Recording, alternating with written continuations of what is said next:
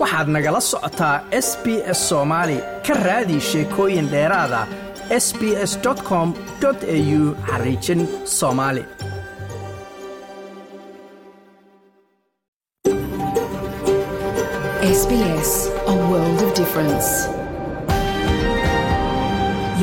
SBS Somali on mobile, online, and on radio. waxaad nagala socotaan s b s soomaali oo aad ka heli kartaan mobil online iyo rediyoga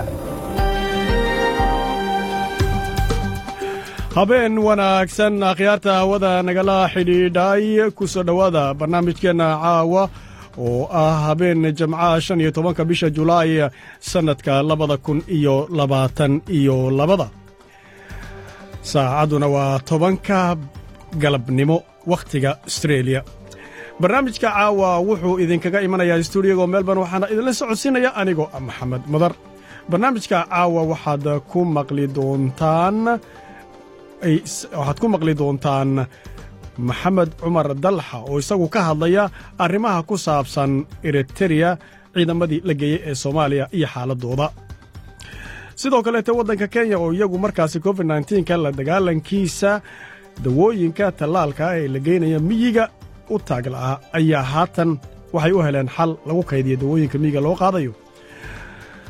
Sidoo kale ciyaaraha gobolka banaadir ayaa iyagu bilaabanaya gobollada gobolka banaadir aan dhahno sida ay kooxuhu isugu aadayaan degmooyinka ayaa iyagana la shaaciyey. Roob mahigaana oo muqdisho ka da'ay ayaa haatan cabsi laga qabaa dadka danyartaa inay rafaad u geystaan haatanna ku soo dhowaada qodobadii warka ugu doorka roonaa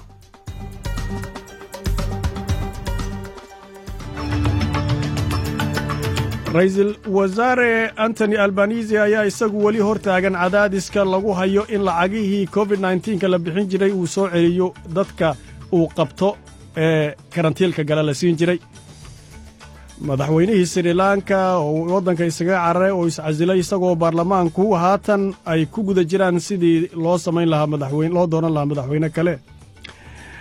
Madaxda gobollada astreeliya ayaa waxa ay go'aan ku qaateen inay ku taageeraan dowladda kala shaqaynta dhanka ku saabsan guriyeynta iyo xal u helidda hoyla'aanta haatanna ku soo dhowaada warkii oo fidsan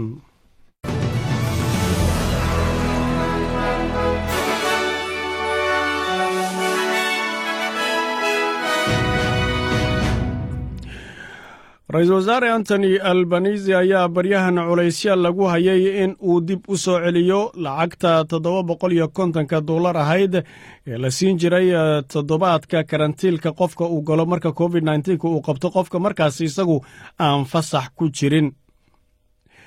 Iyadoo la sugayo siddeed iyo tobanka bishan aanu ku jirno maalinka isniinta inagu soo aadana kulan ay isugu imanayaan madaxda qaranka oo ka kooban ra'iisul wasaaraha iyo sidoo kaleete madaxda gobollada ayaa premierka new south wales iyo premierka tasmania waxay ugu yeedheen oo ay taageereen culaysyadaasi in lacagtaasi la soo celiyo.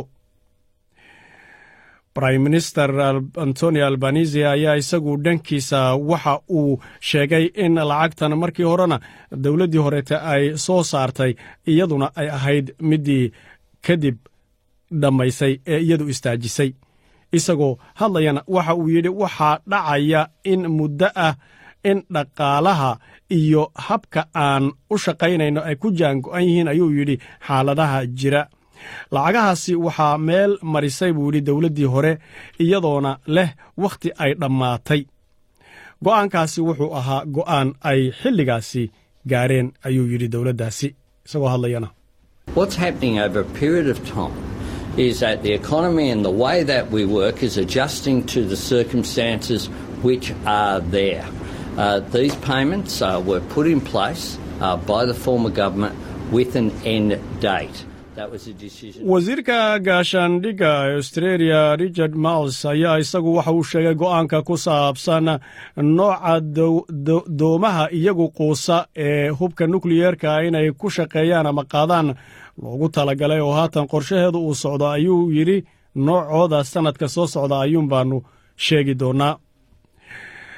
Doomahan ayaa haatan waxaa lagu helay qorshahan isagoo qayb ka ah heshiis arrimaha ammaanka oo ay la gashay dowladda austareeliya ama kula jirto maraykanka iyo sidoo kale britain waana heshiis beddel ka noqon doonaa qorshihii horeetee waddanka faransiiska loogu oggolaaday inay ka sameeyaan doomahaasi balse markii dambe xukuumaddii hore ay ka istaajisay iyadoo haatan ay socoto dowladdani inay magdhow siiso.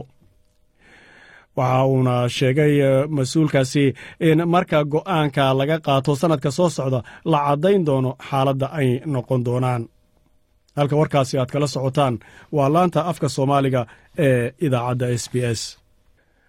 Khasnajiga waddanka australia ayaa isagu ninka la yidhahda jim chalmers ayaa waxa uu yidhi isagoo hadlaya duruufaha haddaba haatan ka taagan caalamku waxay u muuqdaan ee dhanka dhaqaalaha inay ka sii dari doonaan. Isagoo ka qayb galaya shirka g ama dalalka labaatanka oo ay halkaasi isugu tageen wasiirada ganacsiga iyo sidoo kaleete madaxyada baananka wadamadaasi ee baananka dhexe ee wadamadaasi induneisiya shirkana uu ka dhacayo ayaa waxa uu sheegay in haddaba kulankaasi uuna ka caddeeyey in waddanka raashka galitaanka ay ukrain galeen ay iyadu sii dheeraynayso dhibaatada dhaqaalaha isagoo duruufaha adag marayay ee sababta ay ahayd covid nka cudurkaasi inuu keenay. Dareenkiisan ayaa sidoo kaleete waxaa la wadaagay oo arrintaasi iyaguna qaba mas'uuliyiinta waddankaasi indoneesiya si gaar ah mas'uulka arrimaha dhankaasi dhaqaalaha amaba aan dhahno wasiirka arrimaha dhaqaalaha isagoo ay hadlayso haweeneydaasna waxa ay tiri waxaannu wajahaynaa mowqif ama arrin aad u adag iyadoo dhanka maamulku ay tahay sababta innaga wasiirada maaliyadda iyo sidoo kaleete guddoomiyaalka bangiyada dhexe ee waddammada. Waxaannu haatan wajahaynaa bay tidhi walwal khatar leh oo isagu markaana arrimaha xagga amniga cunnada saamayn keenay oo ay saamayntiisuna sii dheeraynayso dagaalka ukrain iyo sidoo kaleete cuqubooyinka amaba xayiraadaha la saaray waxii laysu dhoofinayay. Iyadoo hadlaysana waxay tidhi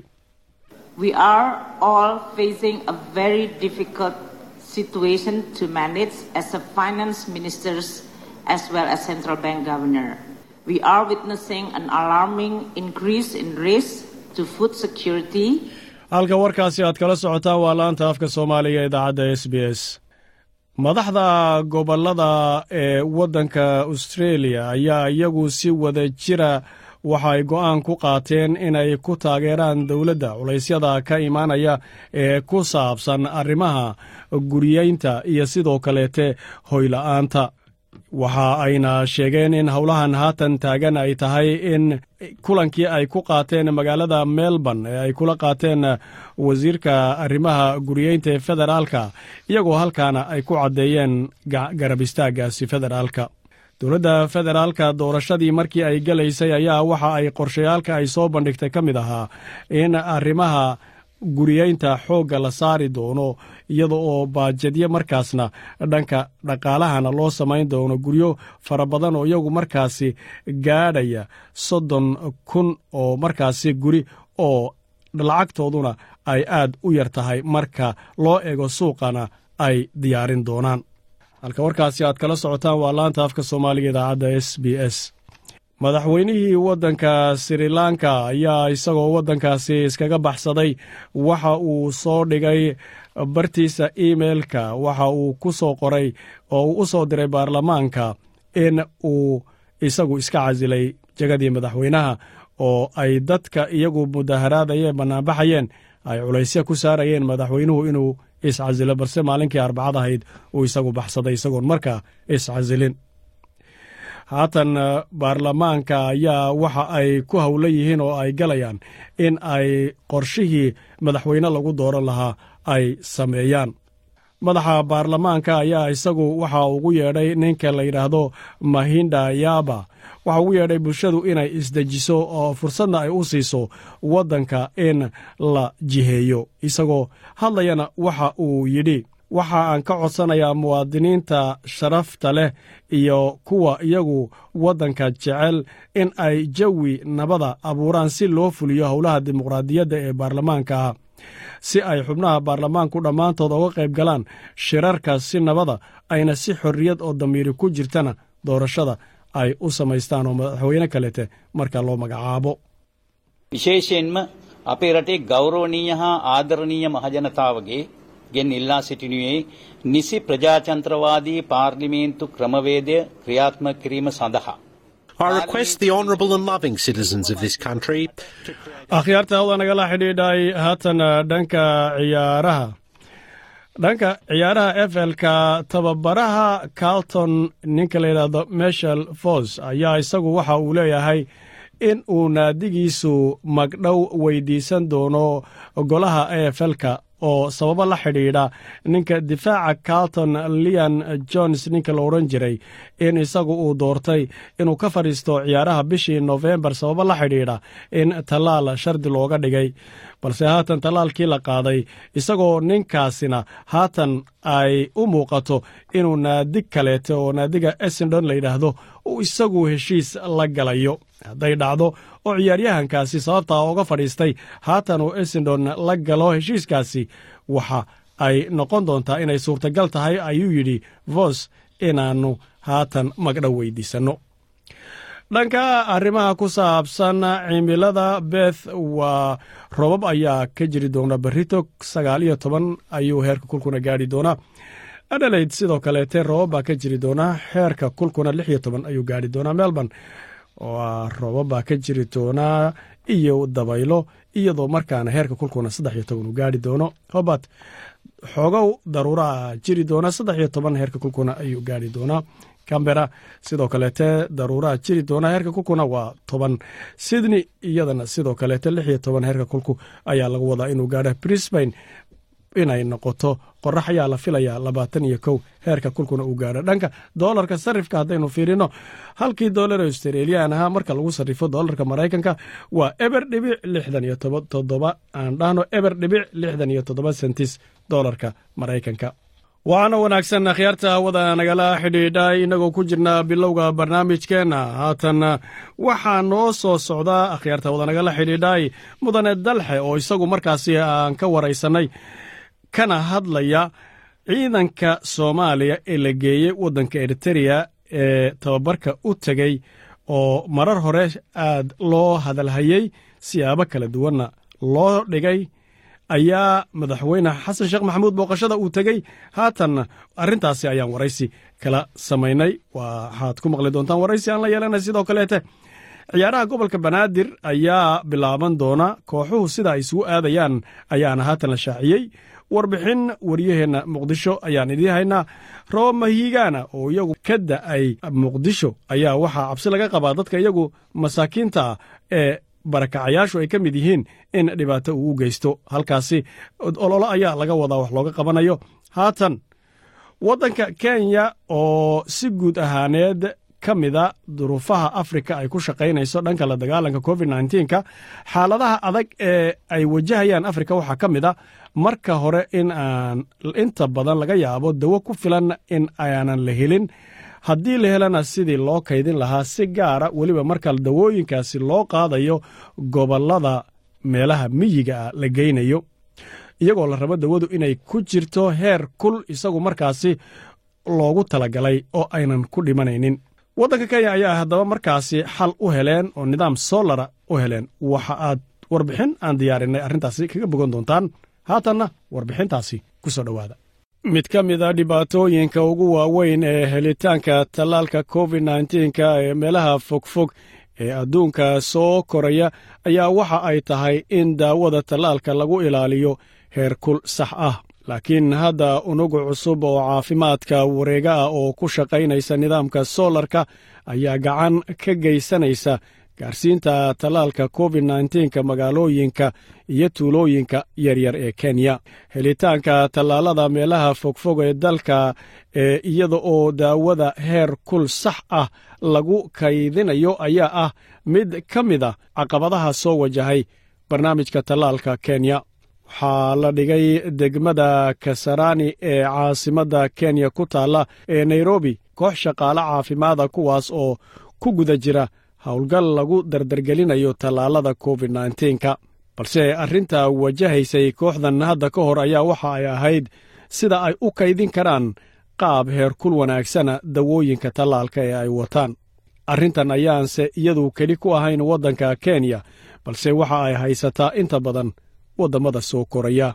Dhibaatada waddammada soo koraya haysata ayaa waxa ay ka mid tahay waa midda hore helitaanka dawada tallaalka ah oo ku fillaata dadka shacabka ah ee markaasi waddan kasta uu doonaya inuu tallaalo.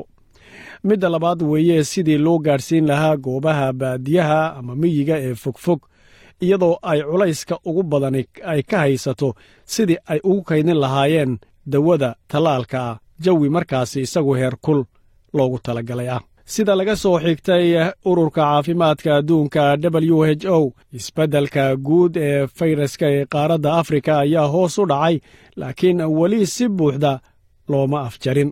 Kenya waxaa laga xaqiijiyey saddex boqol soddon iyo afar kun shan boqol iyo konton iyo kow xaaladood in laga helay. Waa inta la og yahaye iyada oo dhimashaduna ay gaadhay inta la og yahay shan kun lix boqol konton iyo lix. Warbixintani markaasi waxa ay ku eg tahayna lixdii bilood ee ugu horraysay ee sannadkan labada kun iyo labaatan iyo labada. Laakiinse hadda hay'adda caafimaadka iyo cilmi baarista afrika ayaa olole ka wada waddooyinka iyada oo rugta caafimaadka wareegta ay rajaynayso inay kordhiso tirada dadka la tallaalayo rugta caafimaadka wareegta ayaa awood u leh inay gaarto meelaha dadku ku badan yihiin iyo sidoo kaleete dad badan oo iyagu reer miyi ah iyada oo la ilaalinayo baahida kaydinta saxda ah ee dawada tallaalada sida astrazenika iyo moderna.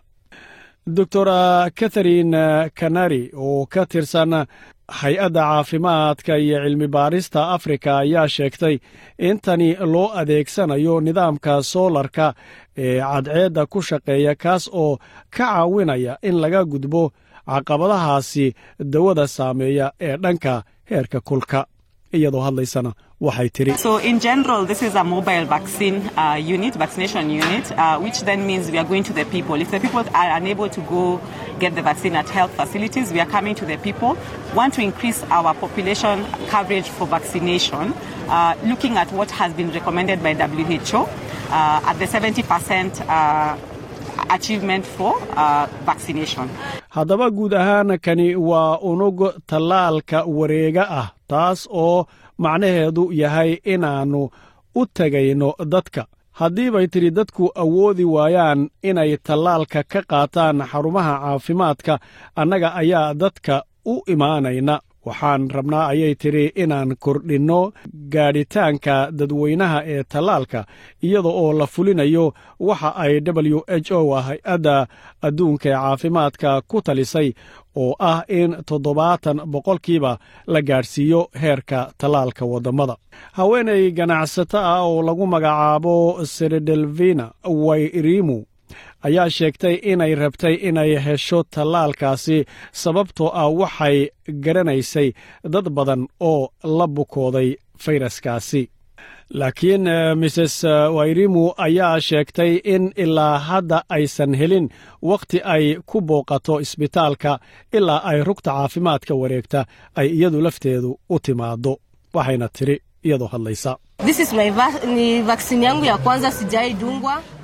This is my first vaccine. I have never received it before. I have been doing some research and many people have passed away, even my closest friends and relatives, and I have seen that I will endanger the lives of my fellow Kenyans and even neighbors if I do not get the vaccine. I am very happy because, as a business lady, I never have enough time.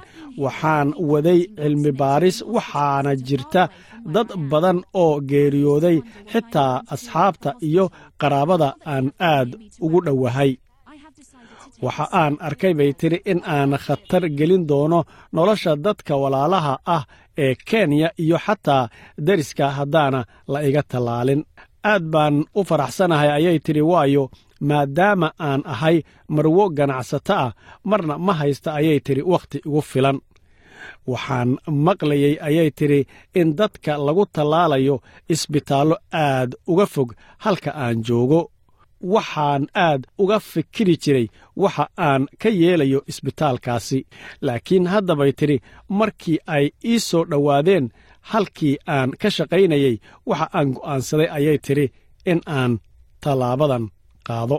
Tani waa rugta caafimaadka wareegta ee covid nka tii ugu horraysay ee waddanka kenya ka howlgasha. Laakiin waxaa jirta qorshayaal lagu soo bandhigayo toban kale oo u adeegi doona dhowr degmo oo kala duwan. Guusha barnaamijkani waxa ay wax ka tari kartaa in wax laga beddelo oo la wanaajiyo habka daryeelka caafimaadka guud ahaan daafaha dalka kenya uga howlgalo iyo sidoo kaleete dhanka gobolkaba. Qof kale oo kenyaana waa william mbutai ayaa isaguna sheegay in uu hadda qaatay cirbaddii ugu horraysay ee tallaalka uuna ku dhiiragelin doono kuwa kaleeta inay sidaas oo kale sameeyaan wuxuuna yidhi Leo ikiwa mara yangu ya kwanza kupata hii chanjo. Today is my first time receiving the vaccine. When it first came, everyone had something negative to say, such as when you get the vaccine you develop complications. But I decided I must receive my first jab today and I am very happy. I would like to urge fellow Kenyans to make sure maanta that they waa get this markii vaccine. ugu horraysay ee aan qaato tallaalka markii ugu horraysay ee uu yimaado tallaalku qof kastaa wax dhaliil ah ayay ahayd inuu sheego sida marka aad tallaalka qaadato waxaad la kulmi doontaa dhibaatooyin. Laakiin waxaan go'aansaday ayuu yidhi inay laasim tahay in aan qaato cirbaddii ugu horraysay maanta aad ayaana u faraxsanahay. Waxaan jeclahay inaan ku booriyo ayuu yidhi walaalaha kenya inay hubiyaan inay qaataan tallaalkan shaqaalaha caafimaadka ayaa hadda ka warbixinaya kor u kaca qaadashada tallaalka maadaama ay si toos ah tallaalka ugu geynayaan dadka aan u safri karin. Isbitaallada masaafooyinka dheer ku yaalla. Akhyaarta hawada nagala xidhiidhay intaasina waxay ahayd warbixintii arrimaha kenya iyo sida ay awoodda ugu heleen kaydinta dawada miyiga iyo meelaha dhaadheer loo qaadayo haatan akhyaarta hawada nagala xidhiidhay barnaamijkeenna inagoo bilowgiisa ku guda jirna waxaa weli noo soo socda ciyaaraha gobolka banaadir oo iyagu haatan la sheegay bilowgooda in uu dhici doono kooxaha hose isugu aadayeenna la shaaciyey. Roobab mehigaana oo muqdisho ka da'ay oo iyagana laga digaya inay dhibaato gaarsiiyaan. Dadka iyagu markaasi barala'aanta ah amaba barakacayaasha ah. Haatan waxaad ku soo dhowaataan mudane maxamed cumar dalxe oo ah baarlamaanka nin ka soo mid noqday oo ah xubin baarlamaan. Sannadkii hore baarlamaankii haatan ugu dambeeyey ka mid ahaa baarlamaankan intaan la dooranin. Sidoo kalena wasiir horena soo noqday oo nin xogogaala ayaan waxaan ka waraysannay arrimaha ku saabsan ciidamada eritereya la geeyey ee tababarka loo geeyey oo doorashadii hadda wixii ka horreeyey ay hadallo badan ka soo baxeen amaba hadalhayn badani ay ka tiilay madaxweyne xasan sheekh maxamuud ayaa isagu maalmo hadda ka hor ka yimid oo booqday. Arrimo badan ayaa haddaba laysla dhex socday oo muuqaallo ka soo baxay dadkaasi oo iyagoo kaba markaasi kuwii ciidanka lagu yaqiinay aan ahayn qaba ayaa la arkay balse kabahaasi maxay yihiin? Waxyaabo badan ayaa laga qaadaa dhigay si warkaasi u caddaado ninkan oo isagu mudanahan oo xogagaalah ayaan waraysannay marka su'aasha ugu horreeya ee aan weydiiyey waxaan idhi bal xaaladda ka warran ciidamada halkaasi ku sugan booqashadii madaxweynaha kadib wuxuuna yidhi. Madaxweyne xasan sheekh maxamuud booqashadiisa eritrea waxay la xiriirtaa u kuurgelin oo ugu kuurgelayo ama uu kuurgelayay ayay ahayd dhalinyaradii hore ee maaragtay shanta kun iyo wax la jiro. Uu madaxweyne farmaajo ku sheegay madaxweynihii isaga ka horreeyey ee xilka kala wareegay oo tababar ugu maqnaa ciidameed dalkaasi eritrea.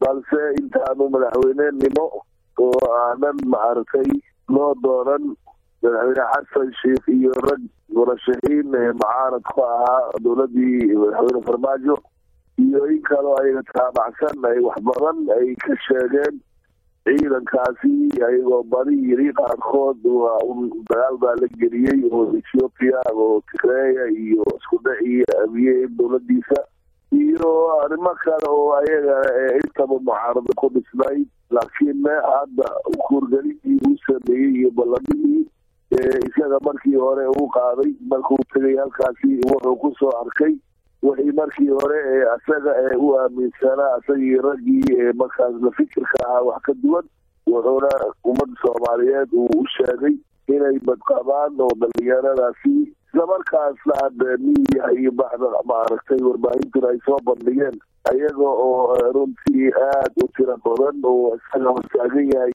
la hadlayaan isaga iyo madaxweynaha nasaya fawaki aana hadda meesha ay ka baxday wixii markii hore ee ay ahayd iyo wixii markii hore laga soo fidinayay daxaayadkii iyo wixii la halmaaday. Mudane waxaa isweydiin leh marka horeba shakiga maxaa keenay? Ciidamo badan baa soomaaliya loo tababarayey oo la geeyey turkiga iyo meelo kaleete. Cid wax ka hadlaysa lama maqal. Eritrea ciidanka la geeyey su'aashu waxay tahay maxaa muranka geliyey waxaa muranka geeyey wax badan marka siyaasadii ee hadda aan annaga wax weliba aan ka dhigno oo la siyaasadeeyo xillig oo kala guur iyo doorasho iyo kambayn lagu jirane qof weliba wuxuu isku dayayaa wuxuu kaga faa'iidaysan karo. Inta badan siyaasiyiintu ay isticmaalaan inay ka soo gudbiyaan ceebo oo isleeyihiin waad kaga zaa'id calayn kartaan. Marka mama ma dhaafiisanayn wararka tirada badnaa iyo waxyaabaha ee laga telinayay ee lalahaa wiilashaasi dagaal baa la geliyey way leedeen wiilashaasi maaragtay dhibaatooyin fara badan ayay meesha markii ay tageen la kulmeen iyo waxyaaba aada runtii niyadjab ku riday. Inta badan caruurtaasi waalidiintii dhaleen. Iyadoo marka inta badan inay muumuuriska uu maanta ku badnaa. Dadka mucaaradada ahaa ee murashaxiinka aba u badnaadeen wayda inta badan haleyska ka dhiganayay. Laakiin waxaan dhaafsiisanayn kambayn unbay ahayd maaragtay oo haddana meesha ku soo afteerantay markuu isaga u tegey midda kale iyada lafteeda marka laga kaalayo arrimaha mucaaradkii iyo dowladdii markaa jirtay iyagu isku turtuurayey dhanka waalidiinta haddaynu fiirino wakhtigii dowladdii hore xukuumaddii iyo dowladdii hore ee farmaajo madaxweynaha ka ahaa xagga waalidku culaysyo badan oy dareemeen kulamo badan ay dalbadeen qaylo badan oo ay caruurtooda iyo duruufaha ay ka keeneen. Maadan arkaynin jawaabo badan oo markaas waalidiinta aamusiye ama ku filaada dhankaas maxaad is leedahay labada dhinac inay ku kala duwan yihiin? Madan oo xaqiiqada marka aan ka hadalno laysa alkhabaru hortal mucaayana watii la yidhi wax lagu sheegay waxaad sheegid waa kala labo. Annaga marka waalidiinta loo yimaado ku noodo reer soomaaliyeed iyo qoys soomaaliyeed oo ka madnaa shantaasi kun iyo inta ka badan ee la geeyay eritrea ma aanan jirin dhammaan gobollada soomaaliyeed. Meel weliba maaragtay dhalinyaradaasi waa looga yimid ciidankaasi. Waxa ayaga ee markii la qorayay xataa damaanad bixinay waxay ahaayeen hogaamiye dhaqameedyo iyo xildhibaano. Marka badi dad kooban iyo meelo cayiman. Ayay waxay ahaayeen waalidiinta kudhooda inta badi ee iyada qaylada iyo sawaxanka iyo dee hadalka maaragtay ee badi ee inta maaragtay media aad oga jeedeen ayay ahaayeen kuwa badan. Marka marka sidaasi darteeda laftirkeeda siyaasada meelo weliba maaragtay lugta ayay la gashay oo wajiyo badan bay lahayd. Laakiin waalidiintu qaarna caruurtoodii way la soo hadlayeen oo iyagu ay markhaati furayeen oo ay lahaayeen annaga caruurteena waa ismaqalnaa waxay iyaga ay ku sugan yihiin xaaladooda waa la wadaagnaa halka kuwa kalena iyagana weliba iyagana u soo taagnaa inay maaragtay dareeryada ku baroortaan. Dhanka hadda kalete waalidiinta kudhooda farqigaasaa u dhexeeya. Dhinaca kale sawirro laga soo qaaday dadka baraha bulshada iyo sheekooyinka laga hayay kaba ay xidhnaayeen ama qaabkay u muuqdeen dad badan baa hadallo ka keenay. Si gaara baraha bulshada aad baa looga hadal hayaa maalmihii dhoweyto ee sawiradan ay soo galeen madaxweynuhu markuu la kulmay ciidanka soomaaliya ee eritreya lagu tababarayey taa iyadu marka lafteedu maxay noqon iyadana? Wallaahi dadka niyadda san ee aanan ku jirin wax ka badan caruurtaasi ma nool yihiin.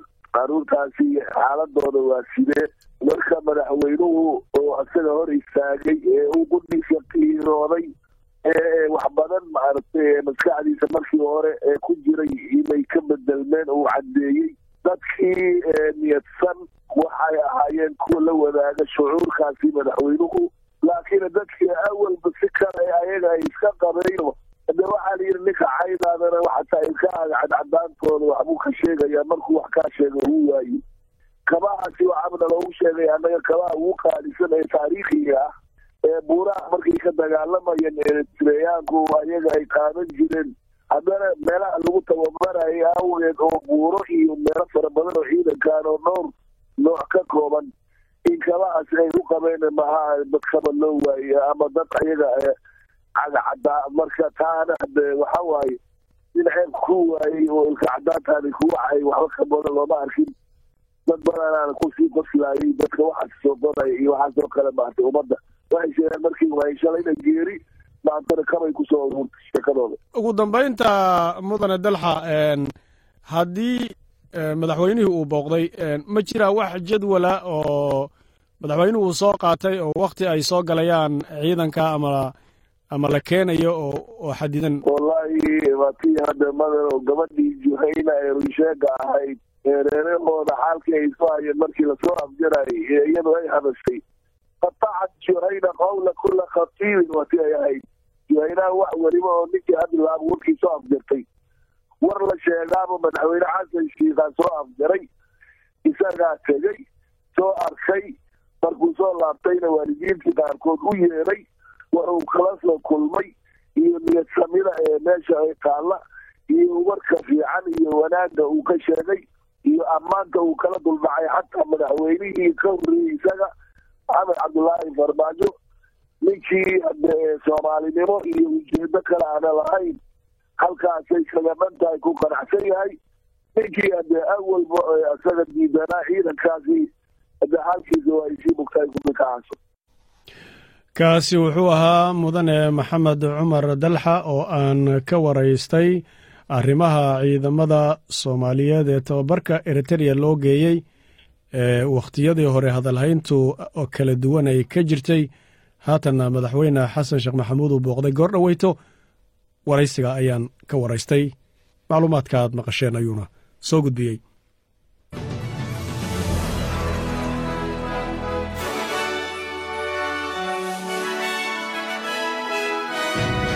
haatanna waa qodobada warka ugu dorkaroon ra'iisul wasaaraha ayaa isagu weli hortaagan cadaadiska lagu hayo ee ku saabsan in uu dib u soo celiyo lacagihii la siin jiray covid nnteenka iyadoo shirkii loo ballansanaa isniinta. Haatanna war deg dega oo soo dhacay laga dhigay sabtida berri ah oo golaha qaranka uu kulmi doono.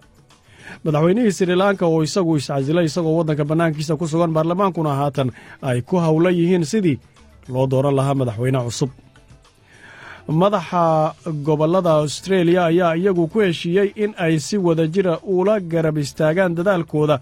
Dadaalka dowladdu ay ugu jirto dowladda federaalkuhu in la helo guryo markaasi dadka iyagu kaafiya oo dhibaatooyinka ka saara. Haatan akhyaarta waa nagala xidhiidhay. Waxaad ku soo dhowaataan barnaamijkeenna xiga iyadoo barnaamij kale oo ku saabsan roobabka mahigaanka ee muqdisho ka daayay iyo cabsiyada jira uu noo soo socdo haatan ciyaaraha gobolka banaadir ayaa la shaaciyey inay bilaaban doonaan. Waxaana la shaaciyey sidoo kaleete sida kooxaha degmooyinku ay isugu aadi doonaan.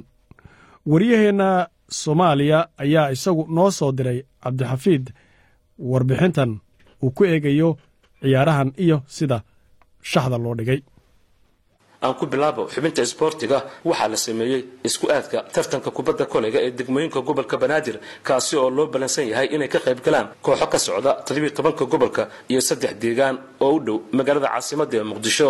Munaasabad ballaaran oo lagu qoratuurayey guud ahaanba ka qaybgalayaasha tartanka kubadda koleyga degmooyinka ayaa ka dhacday magaalada muqdisho waxaana ka soo qaybgalay maamulka isboortiga gobolka banaadir gudoomiyaha xiriirka kubadda koleyga xubno ka socday xiriirka kubadda koleyga soomaaliya iyo ciyaartooydii hore wiilal iyo gabdho ee caanka ka ahaa ciyaarta kubadda koleyga ilaa iyo afar gruub ayaa loo qeybiyey labaatanka kooxood ee ka qaybgeli doonta tartankan oo aan la qaban saddexdii sano ee la soo dhaafay waxaana gruubka koowaad ee gruub ee wada galay degmooyinka wadajir kaaraan daarusalaam garasbaaley iyo sidoo kale degmada holowdaag gruubka labaad ee gruub b waxaa ku wada jira degmooyinka shibis hiliwaa kaxda shingani iyo degmada dayniile halka gruubka saddexaad ee gruub c ay wada galeen degmooyinka yaakshiid cabdilcasiis gubadley warta nabadda iyo degmada boondheere halka gruubka ugu dambeeya ee gruub d ay ku wada balansan yihiin degmooyinka hodan xamar weyne xamar jajab waaberi iyo dharkeenley waxaana gruubkan ugu dambeeya ee gruub d lagu tilmaamay inuu yahay gruubka dhimashada ee tartankan. Munaasabadii qoratuurka oo ay ka hadleen mas'uuliyiin kala duwan ayuu gudoomiyaha xiriirka kubadda koleyga soomaaliya cabdulaahi nuur maxamed cadaani waxa uu sheegay in tartankan tan iyo tobankii aan la qaban isagoo ka codsaday maamulka gobolka banaadir gaar ahaan qaybtiisa isboortiga inay joogteeyaan qabashada tartankan maadaama ciyaarta kubadda koleygu ay tahay mid ay ka soo baxeen ciyaartooy fara badan oo heer qaran iyagu magac ka keenay toddoba iyo tobanka degmo ee gobolka banaadir iyo saddexda deegaan ee la xidhiirta tartan lagu qabanayo gobolka banaadir oo lagu ciyaarayo ciyaar kubadda koleyga ah siduu guddoomiyaha ka dhawaajiyey laba kun siddeed iyo tobankii ayaa u dambaysay uma aragno inay cillad ku maqnayd laakiin duruufo jira aawadeed inay u suurageli weysay in intaa la qabto ayaan u qaadanaynaa. Waxaan leeyahay isboortiga saldhiggiisu waa degmooyinka iyo dugsiyada. Haddaan tartamo dugsiyo la qaban haddaan tartamo degmooyin la qabanin ciyaartooy soomaaliya wax tarta lama helaayo. Sidaas aawadeed waxaan mar labaad iyo mar saddexaad iyo mar afaraad ku boorinayaa maamulka isboortiga gobolka banaadir iyo guddoomiyahoodaba inay xoogga saaraan sidii ay u joogtayn lahaayeen tartamada degmooyinka kubadda koleyga gobolka banaadir waayo waa ciyaar. Ciyaartooydiisu ay dhaqso u soo baxaan. Horeyna loo tijaabiyey. Sida hadda halkan laga dhawaajinayeyba inaan halkan kun sagaal boqol toddobaatan iyo sagaalkii biladii dahabka ahayd ee jaamacadda carabta rag qaaday ay nala fadhiyaan. Sidoo kale bilad maara koob iyo siddeetankii tartankii afrika ayay soomaaliya ku guulaysatay waxay ku tusinaysaa basketboolku inuu yahay haybad soomaali leedahay. Si marka guulahaas aan u soo noolayno u soo celinno waxaan maamulka gobolka banaadir ee dhanka siyaasadda iyo isboortigaba ka codsanaynaa in mar walba la joogteeyo si loo helo ciyaartooy tayo u leh inay guulahaas dib u soo celiyaan. Xubinta isboortiga s b s muqdisho. Akhyaarta haywada nagala xidhiidhay haatana waxaa intaas noogu eg xubinta ciyaarta kubadda koleyga ayay ahayd taasina oo wariyaheennuna u noo soo tabiyey. Akhyaarta hawada nagala xidhiidhay iyada oo barnaamijkeenna uu noo soo socdo oo ku saabsan roobab mahiigaana oo iyagu ka da'ay muqdisho halkaasna cabsi ay ka jirto in roobabkaasi ay saamayn u geystaan.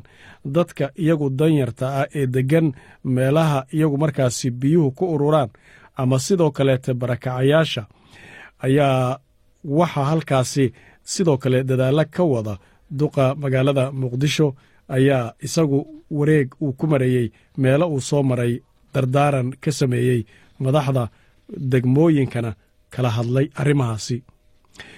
Arrintaasi iyadoo haddaba ay noo soo socoto qadar yarse waxaad ku soo dhowaataan xayxisiisa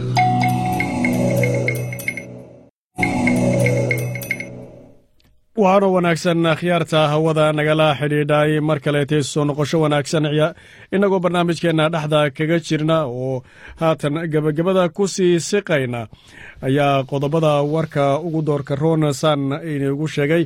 Waxaa ka mid a ra'iisul wasaare antony albanisi oo isagu culaysya kaga imanayaan dhanka ku saabsan in lacagihii covid nnteenka dadku ay u qaadan jireen dadka qabta uu qabto covid nteenka ee karantiilka gala.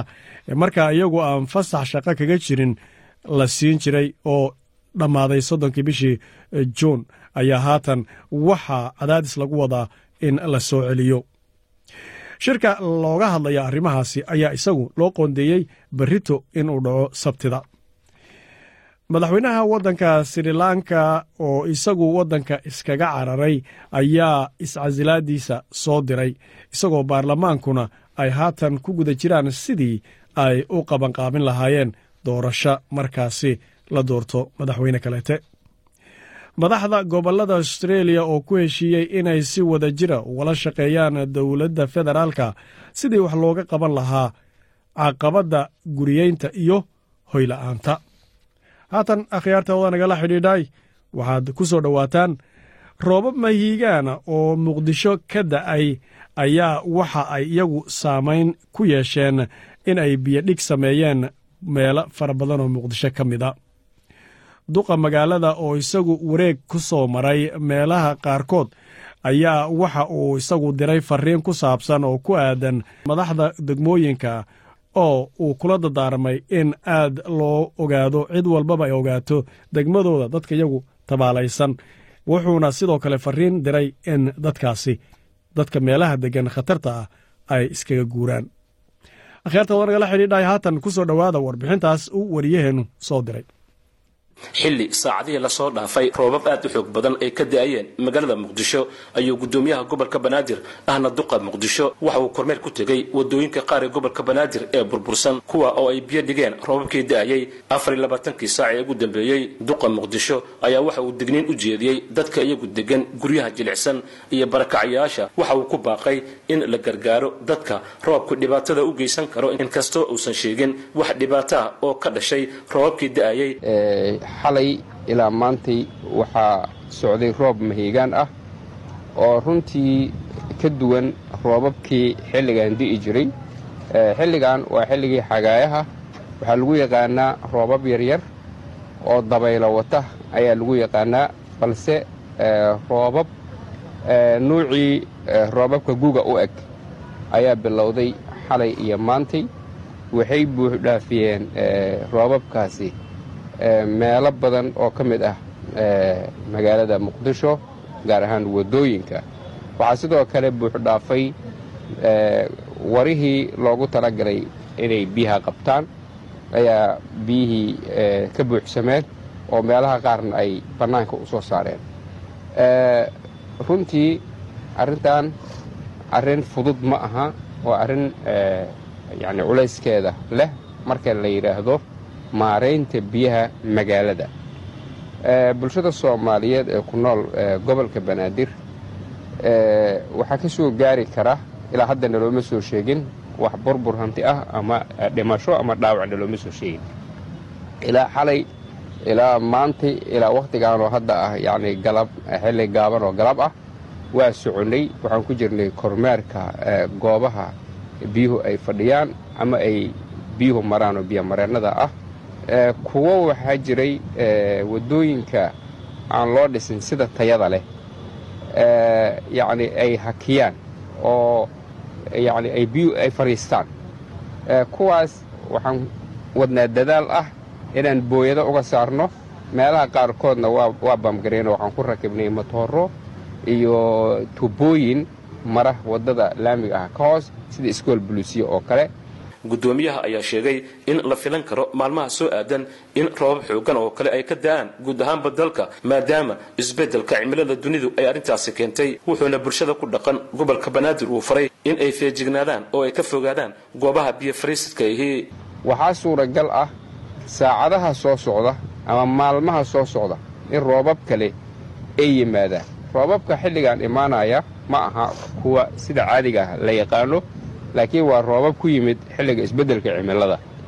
Isbeddelka cimiladu macnaheedu waxay tahay meelo qabow lagu yaqaanay ayaa kuleyl noqda xilliyadii roobka lagu yaqaanayna ma da'aane waxay da'aan xilliyo aan la filayn roobabka noocaan oo kale ah. Marka bulshada danyarta ah ee goobaha biyo fariisidka ama biyoqabadyada u dhow sida waraha magaalada ku yaalloo kale waxaan uga digaynaa inayan yacnii meeshaas sii deganaanin oo xilli habeen ah ama xilli aan aan laga warqabin roob mahigaan oo uu yimaado oo markaas yacnii guryahoodii iyo yacnii carruurtoodii ay biyuhu qaadaan sida mararka qaarkoodba dhici jirta.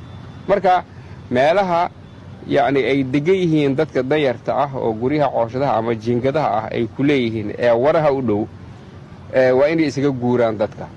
Bulshada soomaaliyeed waxaa laga rabaa ee isla degmadaas degganna inay caawiyaan dadkaas danyarta ah ee biyuhu ay ugu soo gelayaan ama ugu soo geli karaan guryaha ay ku nool yihiin. Sidoo kale marka yacnii dadkaa danyarta ahi ay guryahooda yacnii biyo uga qaxaan waxay u baahanayaan yacnii nolol ayay u baahanayaan. Marka degmo walba dadka ku nool ee ilaahay wax siiyey waxaan ka codsanaynaa inay dadkaas il naxariisle ay ku fiiriyaan oo ay u gargaaraan oo ay meelay ku noolaadaanna ay u raadiyaan wax cunto ah ama cabitaanna ay u raadiyaan. Inta laga maaraynaayo yacnii biyaha guryahoodii ugu soo galay. Dhanka kale maamulada degmooyinka gobolka banaadir gaar ahaan degmooyinka ay ku yaaliin dhismayaasha qadiimiga ah ayuu faray in ay iska xil saaraan oo ay heegan u galaan gacansiinta dadka danyarta ah ee ku dhaqan degmooyinkaasi haddii roobabka la filayo ay waxyeelo geystaan. Sidoo kale dadweynaha ku nool degmooyinka qadiimiga ah oo ay ku yaaliin guryaha qadiimiga ah sida xamarweyne shangaani shibis iyo degmooyinka kale la midka ah. Yacnii guryaha duqoobay dadka ku nool ee ama barakacayaasha ah ama siyaabo kale u deggan xilligan inay si gaara uga yacnii digtoonaadaan oo ay meeshaas inta aan guryuhu ku soo dumin oo naftooda iyo hantidoobada aan halis ayan u gelin inay ka guuraan. Maamullada degmooyinka gobolka banaadir waxaa la farayaa qof kasta ama mas'uul kasta oo degmada mas'uul ka ah inuu si gaara isugu xil saaro yacni dadka danyarta ah ee ku nool degmada uu mas'uulka ka yahay. Waa in saacad kasta heegan ay ku jiraan samate bixinta dadka danyarta ah masiibooyinkan ama waxyaabaha dabiiciga ah oo mararka qaarkood iska dhaca minalaha ka imaanaya yacni wax u dhimi kara magaalooda inay dadku ay u soo jeedaan ka hor tagaan iscaawiyaan gacanna siiyaan guud ahaan maamulka gobolka banaadir iyo hay'adaha dawladda ee ku shaqada leh yacni hagaajinta magaalada.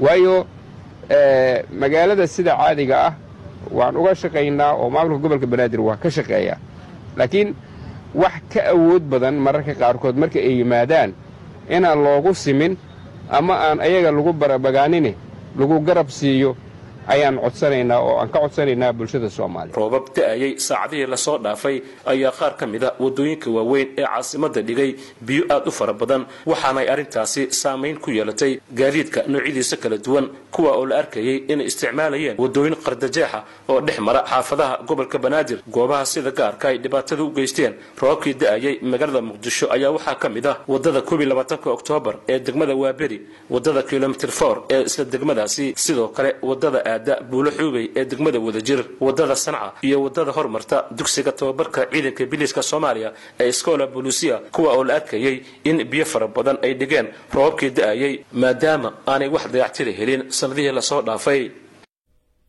Akhyaarta wada nagala xidhiidha intaasina waxaa noogu dhammaatay barnaamijkaasi uu waryaheenna muqdisho uu soo diray ee ku saabsan roobabka mahaygaanka iyo cabsiyadaas laga qabo gabagabada barnaamijkeenna waxaa haddaba war ka soo cusboonaaday dhanka iyo waddanka sri lanka. Ra'iisul wasaarihii waddanka sri lanka ranel ayaa isagu waxa loo dhaariyey in uu madaxweyne ku-sii meel gaara noqdo. Inta laga dooranayo madaxweyne kaleete oo baarlamaanku ay wakhti u qabteen labaatanka bishan aynu ku jirno in la doorto.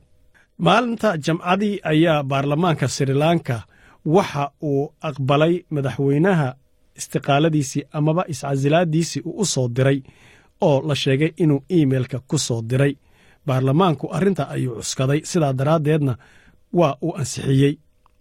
Sidoo kaleete waxaa la sheegay in maxkamadda sri lanka ay go'aamisay in ra'iisul wasaaraha iyo sidoo kaleete madaxweynihii baxsaday walaalkii inayna waddanka ka bixin in la go'aamiyey. Akhyaarta hawada nagala xidhiidhay iyada oo barnaamijkeennu haddaba uu gebageba yahay haatan waxaad ku soo dhowaataan qadar yaro madadaala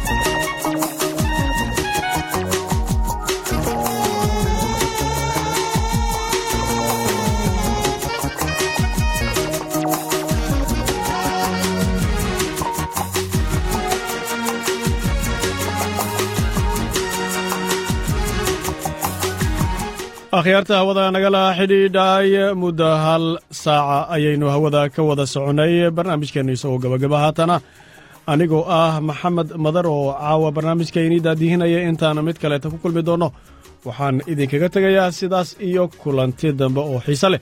Halkani waa laanta afka soomaaliga idaacadda s b s